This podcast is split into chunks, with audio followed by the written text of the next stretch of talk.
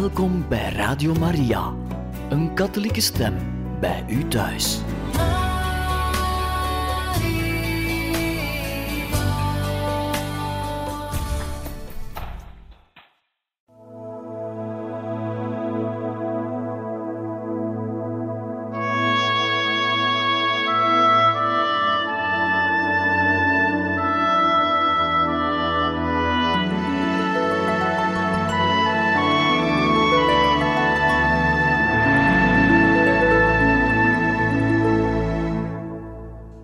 Van harte welkom, beste luisteraars van Radio Maria, in het programma Heiligen Getuigen.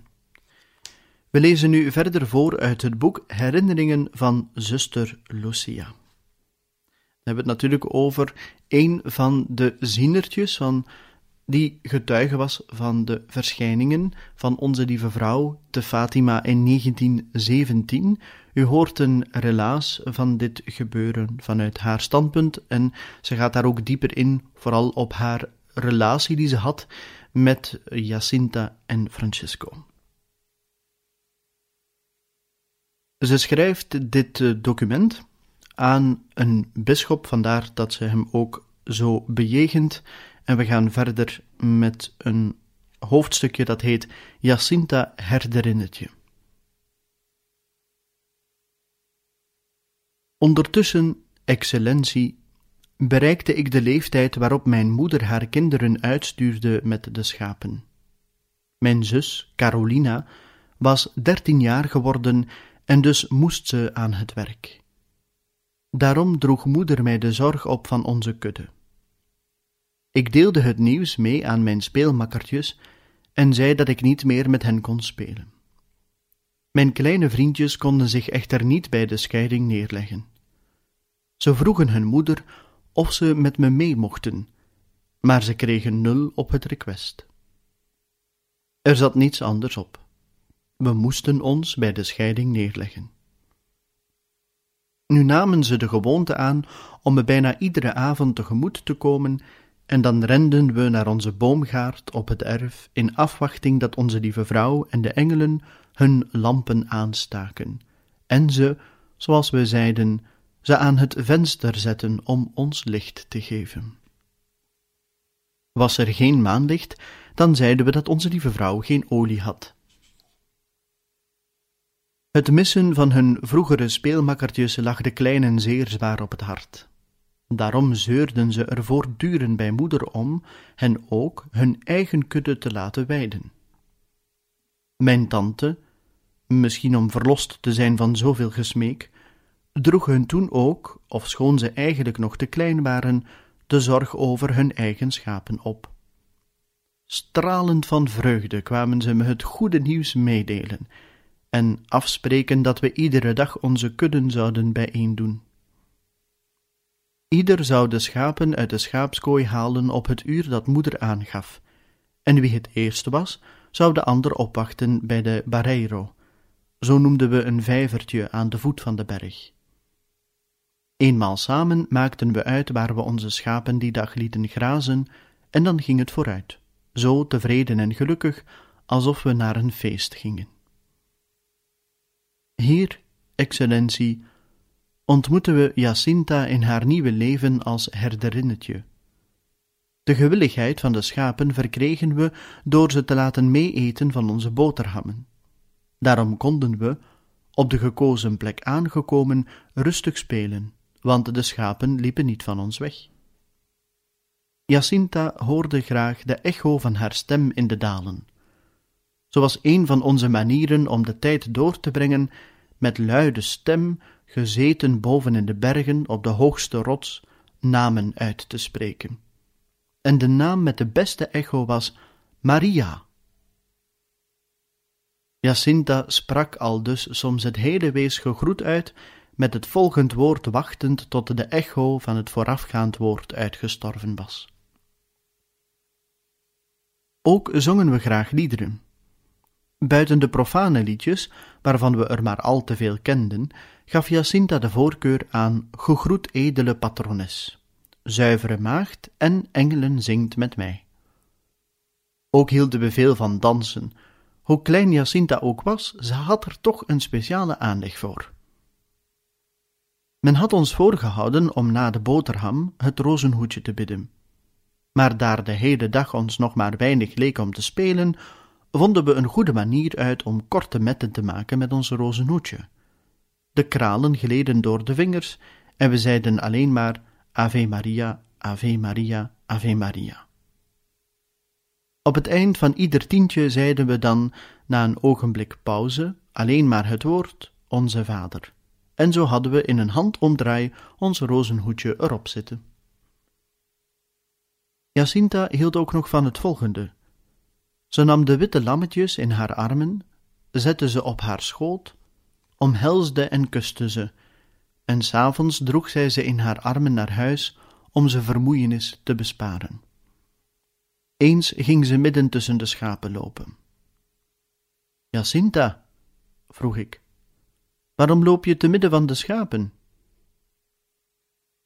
Ik doe als onze lieve Heer op dat prentje dat ik gekregen heb, die ook tussen de schapen loopt en er een om zijn schouders heeft. Hier hebt u dus, monseigneur, min of meer een idee hoe zich de zeven jaren van Jacinta afspeelden. Leeftijd die ze had op 13 mei 1917. Een mooie, heerlijke dag, zoals zoveel andere. Die dag kozen we bij toeval, tenminste als men in de plannen der voorzienigheid van toeval kan spreken, als weidegrond voor onze kudde, een stuk grond dat eigendom was van mijn ouders, met de naam Cova da Iria. Zoals altijd beslisten we bij Barreiro, waarvan ik u eerwaarde al sprak, de weidegrond van de dag, en zo kwam het dat we een hei moesten oversteken, wat ons de afstand verdubbelde. Daarom moesten we langzaam aandoen, opdat de schapen onderweg konden grazen. Zo kwamen we eerst tegen de middag op de plaats van bestemming. Ik blijf nu niet stilstaan bij het verhaal van wat er op die dag gebeurde, want monseigneur weet dat al allemaal en het zou maar tijdverlies zijn. Trouwens, wat mij betreft vind ik alles wat ik schrijven ga, uitgezonderd de verdienste van de gehoorzaamheid, tijdsverlies. Ja, ik zie niet welk nut monseigneur aan dat alles heeft, of het moest zijn om de onschuld van het leven van dat kind te kennen. Voordat ik Monseigneur, u begint te vertellen wat ik me herinner over deze nieuwe periode in het leven van Jacinta, moet ik u zeggen dat er in de verschijningen van onze lieve vrouw enige dingen waren die we afgesproken hadden aan niemand te zeggen. Maar misschien ben ik nu toch wel verplicht om daar iets van mee te delen, om namelijk uit te leggen aan welke bron Jacinta zo'n grote liefde tot Jezus gedronken heeft tot het lijden en tot de zondaars voor de redding van wie zij zich zozeer heeft geofferd. Monseigneur kent haar aard, hoe ze, omdat ze zoveel geluk niet voor zich kon houden, onze afspraak brak om er niemand over te spreken. Toen we op die bewuste middag, geheel weg van de verrassing, als versuft zaten te mijmeren, riep Jacinta van tijd tot tijd vol geestdrift uit: Och, wat een mooie dame toch. Ja, ik zie het al, zei ik. Je gaat het nog aan iemand zeggen. Nee, nee, ik zeg het niet, antwoordde ze. Wees maar gerust. Toen de volgende dag haar broertje naar me toe kwam rennen, om me mee te delen dat zij het s'avonds thuis verteld had, aanhoorde Jacinta de beschuldiging zonder iets te zeggen. Zie je wel, ik had het al gedacht, zei ik. Ik had iets van binnen dat me niet liet zwijgen, zei ze met tranen in de ogen. Nu, huil maar niet en zeg verder aan niemand iets van wat de dame heeft gezegd. Ja, maar, maar ik heb het al gezegd. Wat heb je gezegd? Dat die dame beloofd heeft ons in de hemel op te nemen. Zo, dat moest er dus direct uit. Vergeef me, voortaan zeg ik niemand meer iets.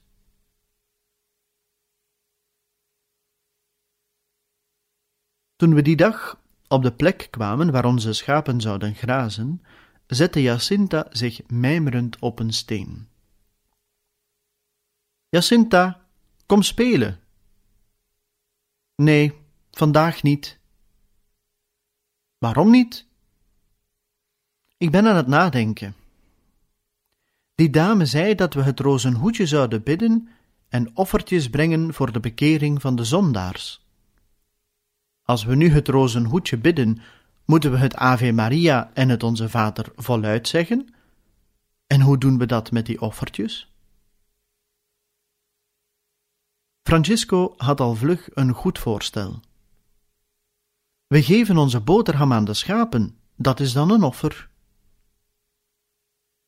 In een paar minuten was heel onze knapzak onder de schapen verdeeld. En zo hadden we een vastendag, erger dan van de meest strenge kartuizers. Jacinta bleef maar op haar steen zitten na te denken en vroeg. Die dame zei ook dat er veel zielen naar de hel gaan. Wat is de hel? Dat is een kuil met dieren en een grote brandstapel. Zo zei mijn moeder toch altijd. En daar komen de zondaars in die niet bichten, en daar blijft men altijd branden. En kom je er nooit meer uit? Nee. En ook niet na veel, veel, veel jaren? Nee. Aan de hel komt geen eind. En aan de hemel ook niet. Wie naar de hemel gaat, gaat er nooit meer uit. En wie naar de hel gaat, ook niet. Begrijp je niet? Ze zijn eeuwig, ze hebben geen einde. Dat was onze eerste meditatie over de hel en over de eeuwigheid. Wat het meeste indruk maakte op Jacinta was de eeuwigheid. Zelfs onder het spel vroeg ze soms: Maar zeg eens, na veel, heel, heel, heel, heel, heel veel jaren, houdt de hel nog niet op? En een andere keer vroeg ze: En die die daar zitten te branden, gaan die niet dood? Worden die geen as? En als we veel voor de zondaars bidden, laat onze lieve Heer ze er dan niet uit? Ook niet als we offertjes brengen. Maar och garm, we moeten bidden en maar veel offertjes voor ze brengen. En dan voegde ze er soms aan toe: Wat is die dame toch goed? Ze heeft ons al beloofd dat we naar de hemel gaan.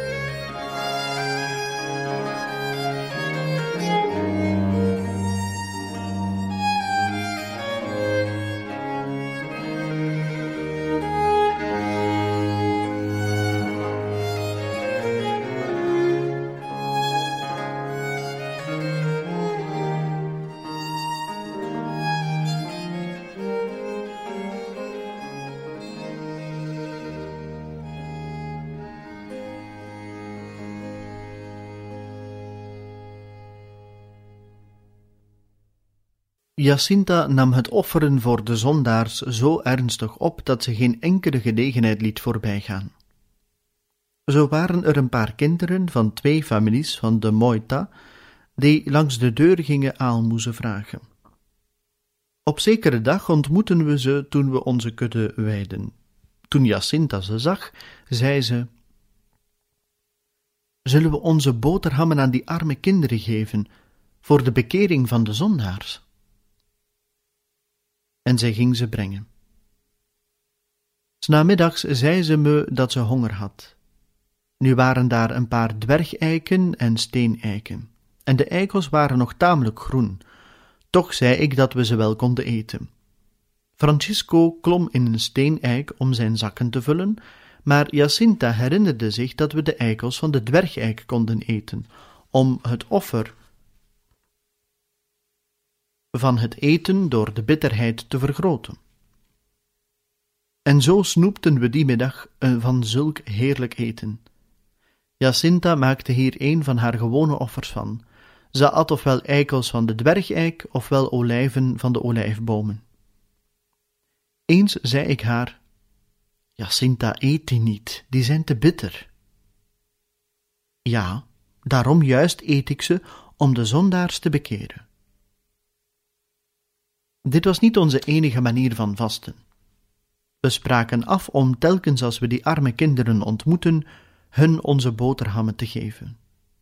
Die arme kinderen, blij met onze aalmoes, zorgden ervoor ons te ontmoeten en ze stonden ons al op te wachten. En onmiddellijk als we ze zagen, ging Jacinta hun heel het eten van die dag brengen, met zulke voldoening alsof het zelf niet nodig had. Op zulke dagen was ons eten dennenappels, wortels van een klokbloempje, dat is een geel bloempje dat aan de wortel een bolletje heeft van de grootte van een olijf, moerbijen, paddenstoelen en enige dingen die we aan de wortel van pijnbomen vonden, maar waarvan ik me op het moment de naam niet herinner. Ook nog de vruchten als er in de buurt waren op een terrein dat van mijn vader was. Jacinta kon maar niet genoeg offertjes brengen. Op zekere dag bood een buurman mijn moeder een goede weide aan voor onze kudde. Maar het was tamelijk ver weg en het was in het hartje van de zomer. Mijn moeder nam het grootmoedig aanbod aan en stuurde mij daarheen. Omdat er in de buurt een vijver was waar de kudde kon drinken, zei ze me dat we het beste daar onze middagrust konden nemen, in de schaduw van de bomen. Onderweg ontmoetten we onze arme vriendjes, en Jacinta ging hun onze boterhammen brengen. Het was een mooie dag, maar het was snikheet. Ja, de zon leek op die harde, droge rotsbodem alles te willen verschroeien.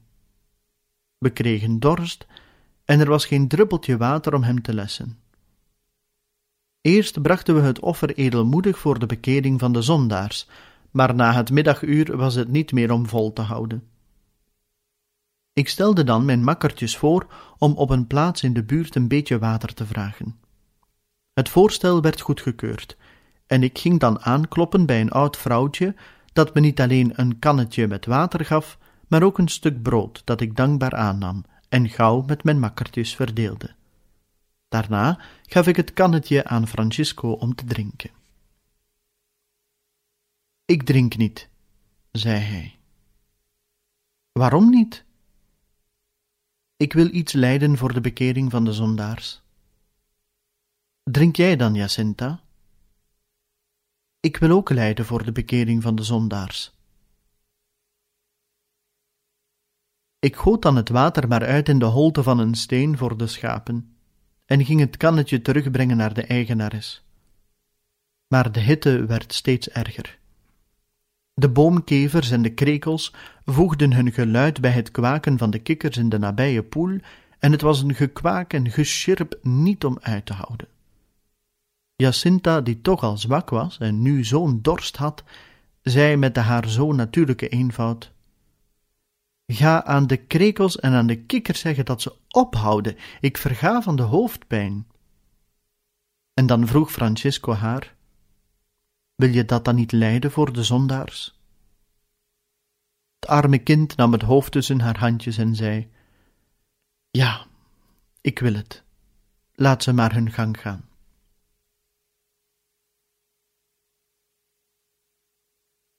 Ondertussen was het verhaal van de verschijningen bekend geworden. Mijn moeder kreeg het te kwaad en wilde dat ik mijn beweringen kost wat kost herriep. Op zekere dag wilde ze me, voordat ik met de kudde uitging, dwingen te bekennen dat ik gelogen had. Om dat te bereiken spaarde ze nog goede woorden, nog bedreigingen, nog de bezemsteel. Toen ze geen ander antwoord kreeg dan een stom stilzwijgen of de bevestiging van al wat ik al gezegd had, stuurde ze me weg met de kudde schapen, met de boodschap dat ik er gedurende de dag maar eens goed over moest nadenken.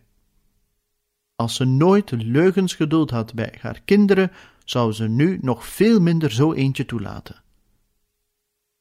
Ze zou mij s'avonds, als ik terugkwam, verplichten naar de mensen toe te gaan die ik bedrogen had, om te bekennen dat ik gelogen had en om vergiffenis te vragen. Dat was mijn vertrek met mijn schaapjes. Mijn makkertjes stonden die dag al op me te wachten. En toen ze zagen dat ik aan het huilen was, kwamen ze aanlopen en vroegen wat er aan de hand was. Ik vertelde wat er gebeurd was en vroeg: Zeg me, wat moet ik nu doen? Moeder wil kost wat kost dat ik zeg dat ik gelogen heb. Maar hoe kan ik dat nu zeggen?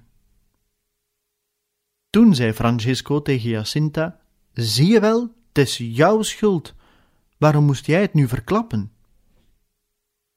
Het arme kind begon te schreien, zette zich op de knieën om me met gevouwen handen vergiffenis te vragen. Het was verkeerd van me, zei ze snikkend, maar ik zeg nooit meer iets aan iemand. Uwe excellentie zou kunnen vragen wie heeft haar zulke daad van nederigheid geleerd? Wel, ik weet het niet. Misschien heeft ze haar broertjes vergiffenis zien vragen aan hun ouders op de vooravond van de communie. Het kan ook zijn, naar me toeschijnt, dat de heilige maagd aan Jacinta grotere overvloed aan genaden, kennis van God en van deugd had meegedeeld. Toen meneer Pastoor ons enige tijd later liet roepen om ons te ondervragen, boog Jacinta het hoofd en slechts met moeite kon de eerwaarde twee of drie woorden uit haar krijgen. Toen we buiten waren, vroeg ik haar: Waarom wou je geen antwoord geven aan meneer pastoor? Omdat ik jou beloofd had dat ik niemand meer iets zou zeggen. Op zekere dag vroeg ze mij: Waarom kunnen we niet zeggen dat die dame ons heeft gevraagd offertjes te brengen voor de zondaars? Anders gaan ze ons vragen welke offertjes we brengen. En mijn moeder werd al maar meer verstoord over het verloop van de gebeurtenissen. Daarom ondernam ze weer een poging om me te dwingen te bekennen dat ik gelogen had. Op zekere morgen roept ze me en zegt dat ze me naar de pastorie gaat brengen. Als je daar aankomt, ga je op je knieën zitten je zegt dat je gelogen hebt en je vraagt vergiffenis. Toen we aan het huis van tante voorbij kwamen, ging moeder daar even binnen. Ik profiteerde van de gelegenheid om aan Jacinta te vertellen wat er gaande was. Toen zij zag hoe bedrukt ik was, sprongen haar de tranen in de ogen en ze zei: Ik kom direct uit bed. Ik ga Francisco roepen en we gaan bidden bij jullie put. Wanneer je terugkomt, kom dan daarheen. Toen ik terug was, liep ik direct naar de put, en daar zaten de twee op hun knietjes te bidden. Toen ze me zagen, liep Jacinta onmiddellijk naar me toe, omhelsde me en vroeg hoe het afgelopen was. Ik vertelde het, en toen zei ze: Zie je het nu? We moeten geen angst hebben voor niets. De dame helpt ons altijd ze houdt heel veel van ons. Vanaf de dag dat onze lieve vrouw ons geleerd had onze offertjes op te dragen aan Jezus, vroeg Jacinta telkens, als we afgesproken hadden, er een te brengen of ook als we een beproeving moesten doorstaan. Heb je al aan Jezus gezegd dat het is uit liefde tot Hem? En als ik nee zei, Dan zeg ik het hem nu. En ze vouwde haar handjes, hief haar ogen ten hemel en zei: Jezus, het is uit liefde voor u en voor de bekering van de zondaars.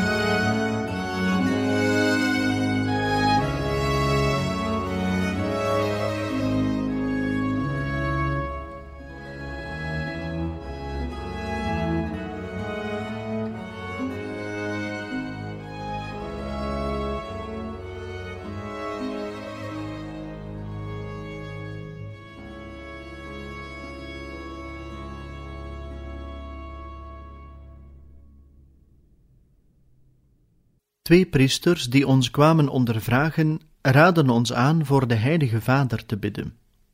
Jacinta vroeg wie de Heilige Vader was, en die goede priesters legden ons uit wie de Heilige Vader was en ook dat hij veel gebed nodig had.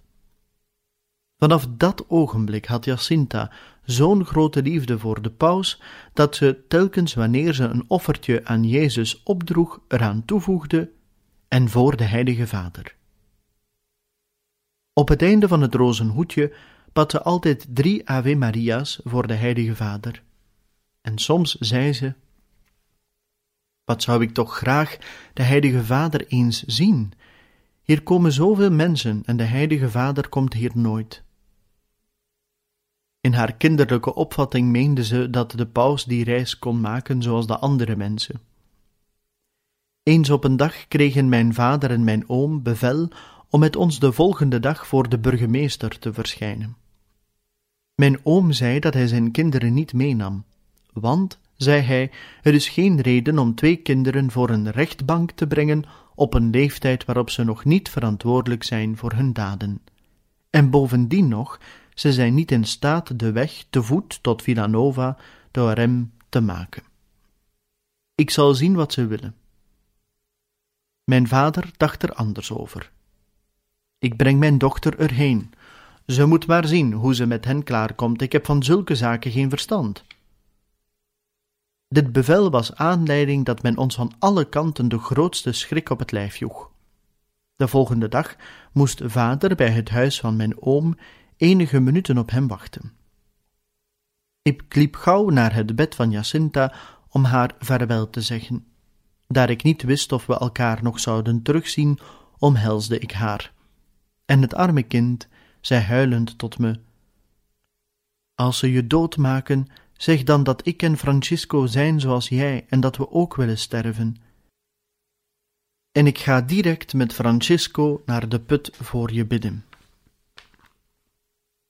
Toen ik s'avonds terugkwam, liep ik direct naar de put, en daar zaten de twee op hun knietjes te schreien, gebogen over de rand van de put, met het hoofd in de handen.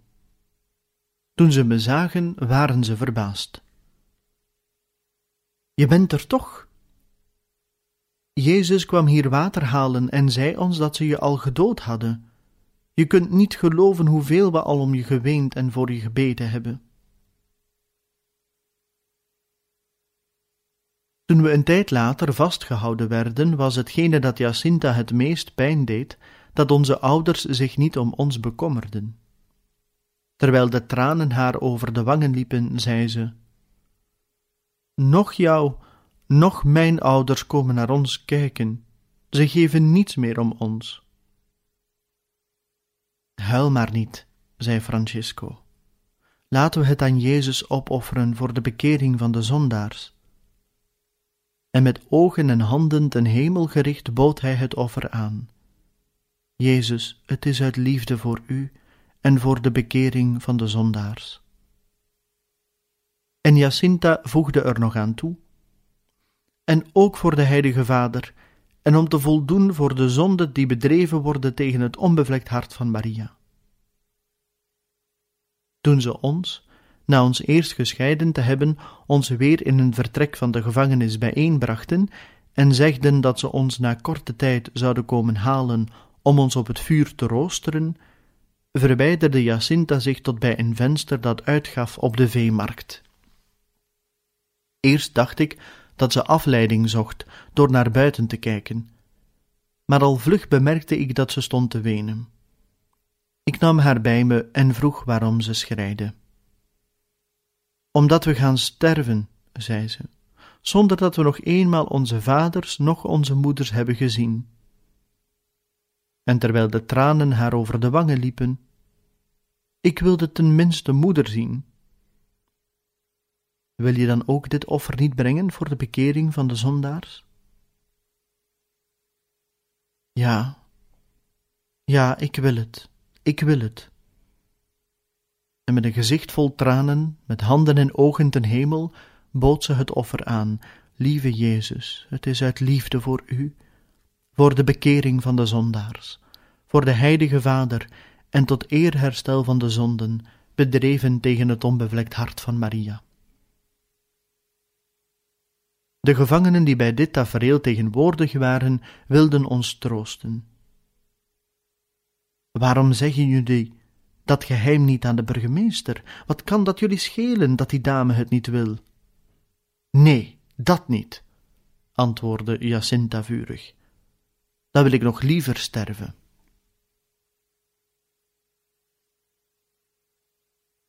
We besloten toen het rozenhoedje te bidden. Jacinta nam een medaille die ze om haar hals droeg en vroeg aan een gevangene om ze op te hangen aan een spijker aan de muur, en op onze knieën voor die medaille begonnen we te bidden. De gevangenen baden mee voor zover ze bidden konden. Ze zaten tenminste op hun knieën. Na het rozenhoedje ging Jacinta weer bij het venster huilen. Jacinta, ik dacht dat je dat offer aan onze lieve Heer wilde opdragen, vroeg ik. Dat wil ik ook, maar als ik aan moeder denk, huil ik zonder het te willen. Daarna kwam het voorstel om ieder een intentie te kiezen daar de heilige maagd ons gezegd had dat we onze gebeden en offertjes ook zouden opdragen tot eerherstel van de zonden, bedreven tegen het onbevlekte hart van Maria. Eén zou offeren voor de zondaars, één voor de heilige Vader, en de derde voor eerherstel van de zonden tegen het onbevlekte hart van Maria. Na de afspraak zei ik aan Jacinta te kiezen voor welke intentie ze wilde offeren. En ze zei: ik offer voor alle drie, want ik vind ze alle drie mooi. Een van de gevangenen speelde mondharmonica, en zo begonnen ze, om ons wat verstrooiing te bezorgen, muziek te maken en te zingen. Ze vroegen ons of we niet konden dansen. We zeiden dat we de fandango en de vira kenden. Jacinta werd toen partner van een arme schelm die, toen hij zag hoe klein ze was, tenslotte danste met haar in zijn armen. Mogen onze lieve vrouw medelijden hebben gehad met zijn ziel en hem bekeerd hebben. Nu zal uw excellentie wel zeggen, wat een fraaie voorbereiding op de marteldood. Ja, dat is waar. Maar we waren nog maar kinderen, we dachten ook niet verder. Jacinta had voor het dansen een bijzondere voorliefde en ook veel aanleg. Ik herinner me dat ze op zekere dag aan het huilen was om haar broer die in de oorlog was en waarvan men dacht dat hij gesneuveld was. Om haar wat afleiding te bezorgen, arrangeerde ik met twee van haar broertjes een danspartij. Het arme kind danste, terwijl ze al maar tranen afwiste die haar over het gezicht liepen. Ondanks deze gehechtheid aan de dans, die zo groot was dat het soms voldoende was een of ander instrument van de herders te horen om haar te doen dansen, zelfs op haar eentje, desondanks zei ze me op zekere dag, bij het naderen van Sint-Jan en carnaval, dansen doe ik nu niet meer. Waarom niet? Ik wil daar een offer van maken voor onze lieve Heer. En daar wij altijd het spel organiseerden bij de kinderen, was het uit met de dansen die bij zulke gelegenheden plaats hadden.